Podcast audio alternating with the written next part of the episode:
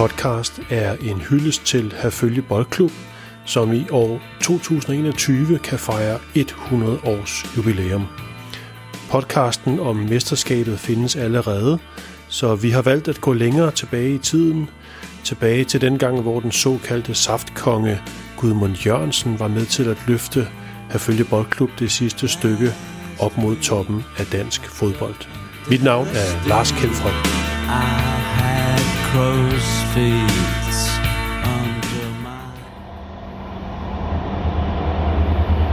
Velkommen i toget til Nykøbing Falster. Vi fortæller om rejsen undervejs.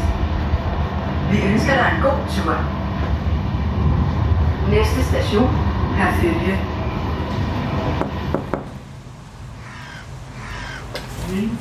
Tak skal du have. Skal jeg smide skoene hernede? Nej, nej, du beholder skoene på.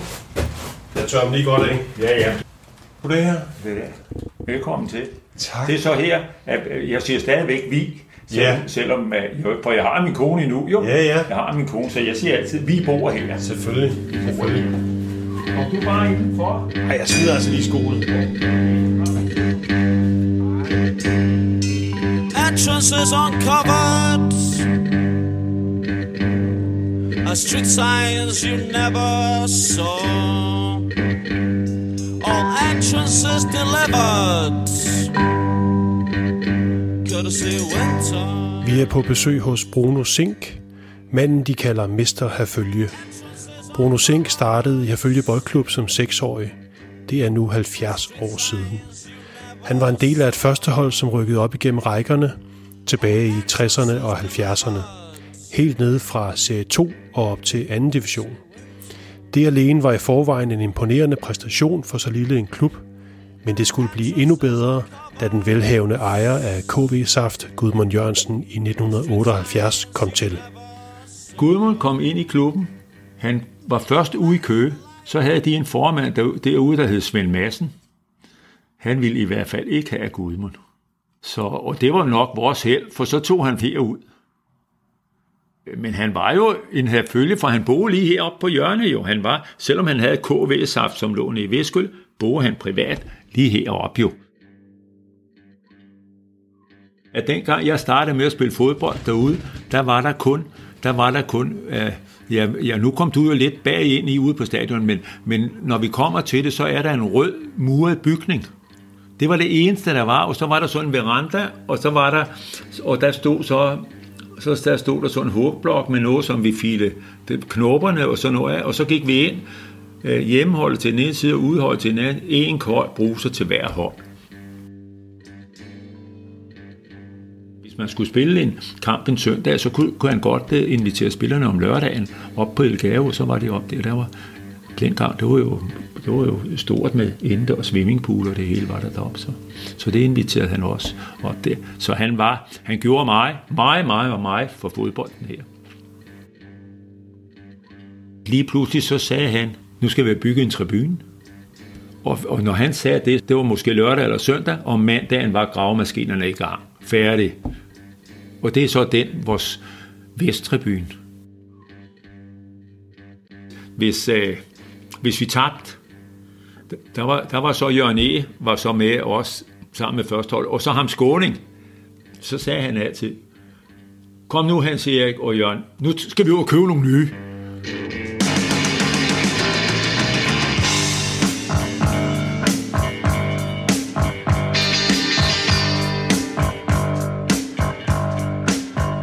Jeg er taget på tur med Bo Michael Hansen fra Lokalhistorisk Arkiv.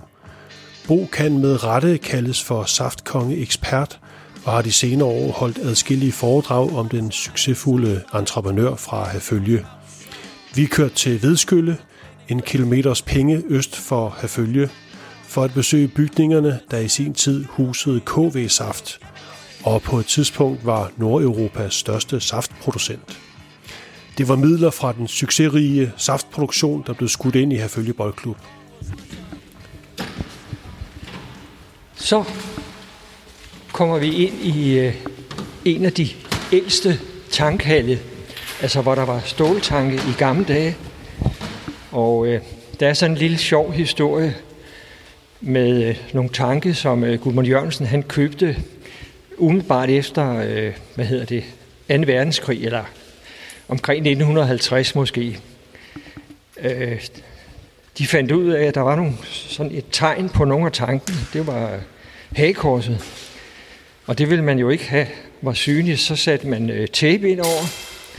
Og når man så havde fint, prominent besøg, så løsnede man lige på øh, tapen, og så kunne gæsterne, øh, de kunne komme fra Japan, og de kunne komme alle steder fra. Så fik de lige lov at se, om det var der rigtigt. Der var et hagekors, og så blev det dækket til igen. Vi, vi prøver at kravle op ad stigen.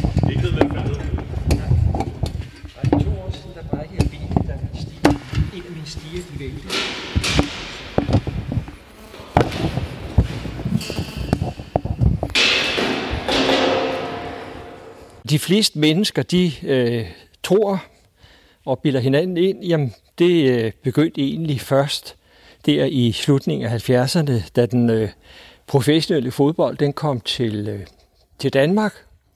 Og der var øh, Herfølge Boldklub var jo en af de første, så kom med på vognen. Og, og det var i meget stort omfang øh, Gudmans fortjeneste. Men øh, altså Gudmund fik tilknytning til øh, fodbolden i Herfølge meget, meget før. Altså vi skal helt tilbage til 34, altså 1934, øh, måske også øh, i 1933, hvor han som øh, ganske ung mand øh, kom ind i bestyrelsen for øh, den lokale boldklub, og han kom også på øh, førsteholdet. Og øh, det var ikke fordi, at Gudmund kunne spille fodbold, det kunne han ikke. Altså det, det sagde man. Han var det, man øh, populært kaldet en møver. Men øh, han var med, da øh, Herfølge Boldklub ligesom fik nyt liv. Hov, vi afbryder lige Bro Michael her. Der er i 11. time dukket en optagelse med Saftkongen op.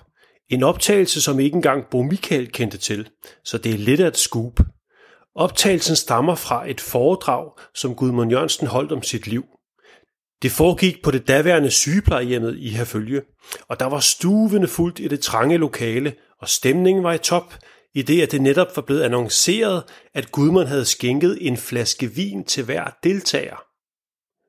Vi er ikke så heldige, at klippet handler om Herfølge Boldklub, men lad os nu lige høre Gudmund selv kort fortælle om, hvordan han i en meget tidlig alder begyndte at tænke i forretninger. Værsgo Gudmund. Tak for den pæne velkomst. Jeg lærte på et meget tidligt tidspunkt, at ville man have lidt ekstra end det normale, så skulle man også gøre lidt ekstra. Man fik ikke noget af sig selv, men var man lidt kvik, når der stod en eller anden og skulle have bud til køge, eller skulle have et brev op på stationen, så kunne det godt give en 10 øre eller en 5 øre. Og man gjorde det tilstrækkeligt mange gange, foruden de andre små job, man havde. Ja, så blev det til lidt. Jeg arbejdede nede i præstgården. Dengang der kørte man jo sådan møg ud i kok. Og det blev hugget af, så skulle de splitte ad. Og jeg kan huske, at jeg fik øh, to øre for hver kok. At jeg splittede ad. Og jeg kunne jo se, at der, der var alt for mange kok til mig alene. Så tog jeg mine kammerater, og så siger I får halvanden øre, hvis for hver is. Så var, der, så var der en halv øre til mig. Så jeg lavede optrådt allerede på et meget tidligt tidspunkt som entreprenør. Min far, han var i min første øh, drengeår, der arbejdede han på Køge Trævarefabrik. Og øh, der var han ude i nogle år. Og så da vi kom her til at følge, så begyndte han jo, som I simpelthen sikkert mange af jer ved, at lave en virtuelle butik herhen i byen, som min mor hun stod og passe, mens min far han kørte æg og handlede med frugt om sommeren. Det var vel nok der, at jeg fik min første indskydelse og min første næse for handen. Når vi kørte herude omkring i kommunen, hente æg, hente kirsebær, hente rips og meget andet. Ja, der er temmelig sikkert mange af jer, som sidder her og tænker, ja, vi har jo grund været med til at gøre den fyr til godsejer.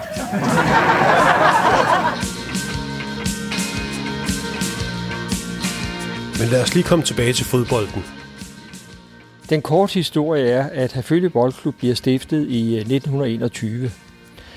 Og øh, så spiller man øh, fodbold, som man gjorde dengang. Der var ikke noget, der hed turneringsfodbold. Det var sådan venskabskampe med nabosovnene. Og så kommer Gudmund ind i billedet. Hans far sad i bestyrelsen for boldklubben, og Gudmund kommer ind, og han bliver på et tidspunkt kasserer. Og som jeg fik sagt før, selvom han ikke kunne spille fodbold, så kom han altså med på holdet. Herfølge Kommune bliver så spurgt, om ikke de kan være behjælpende med et stykke jord, og man forærer øh, boldklubben et øh, jordstykke. Og så bliver der anlagt øh, den første fodboldbane i Herfølge, og det er 1936, altså rigtig fodboldbane. Og en af hovedkræfterne ved anlægget af den fodboldbane, det var Gudmund.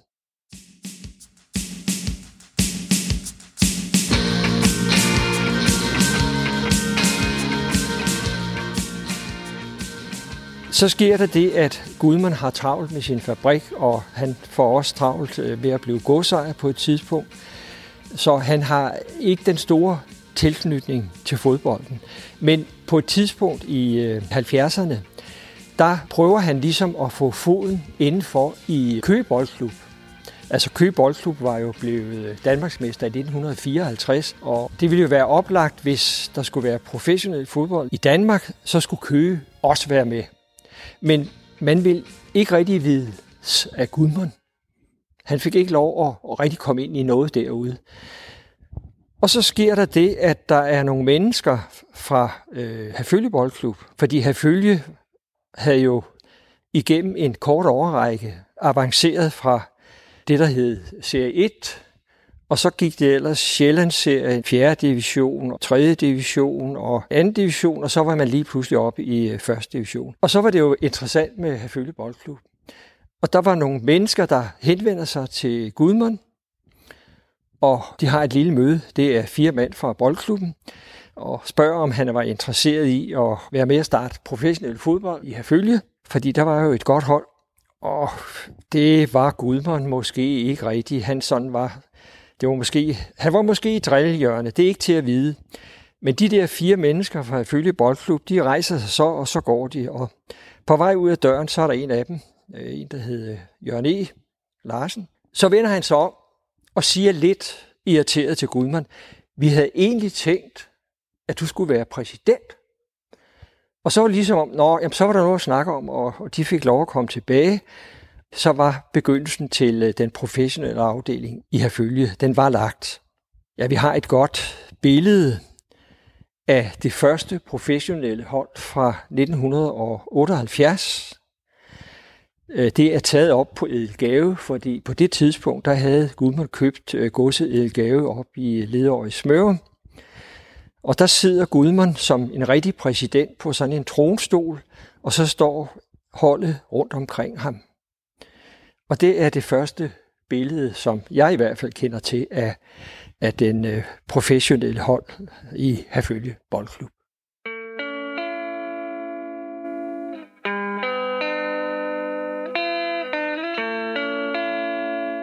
Gudmund han dør jo inden 2000, hvor Herfølge bliver Danmarksmester. Og det ville have glædet ham enormt, hvis han havde kunne sidde op i logen og kigge ned på holdet.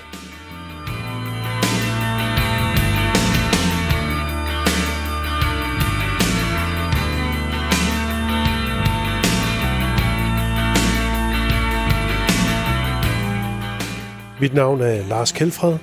Tak for, at du lyttede med. Denne podcast blev produceret for Køgebibliotekerne og er en del af projektet Folkets Fortællinger. Dem kommer der flere af. Tak til Bruno Sink og Bo Michael Hansen. Musikken var af det engelske band The Fall.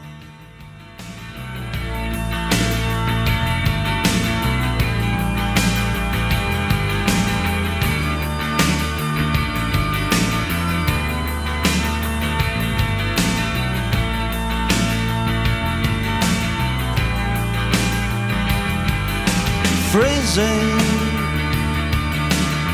wheezing, got pasted in a bar. I hope I've got the number.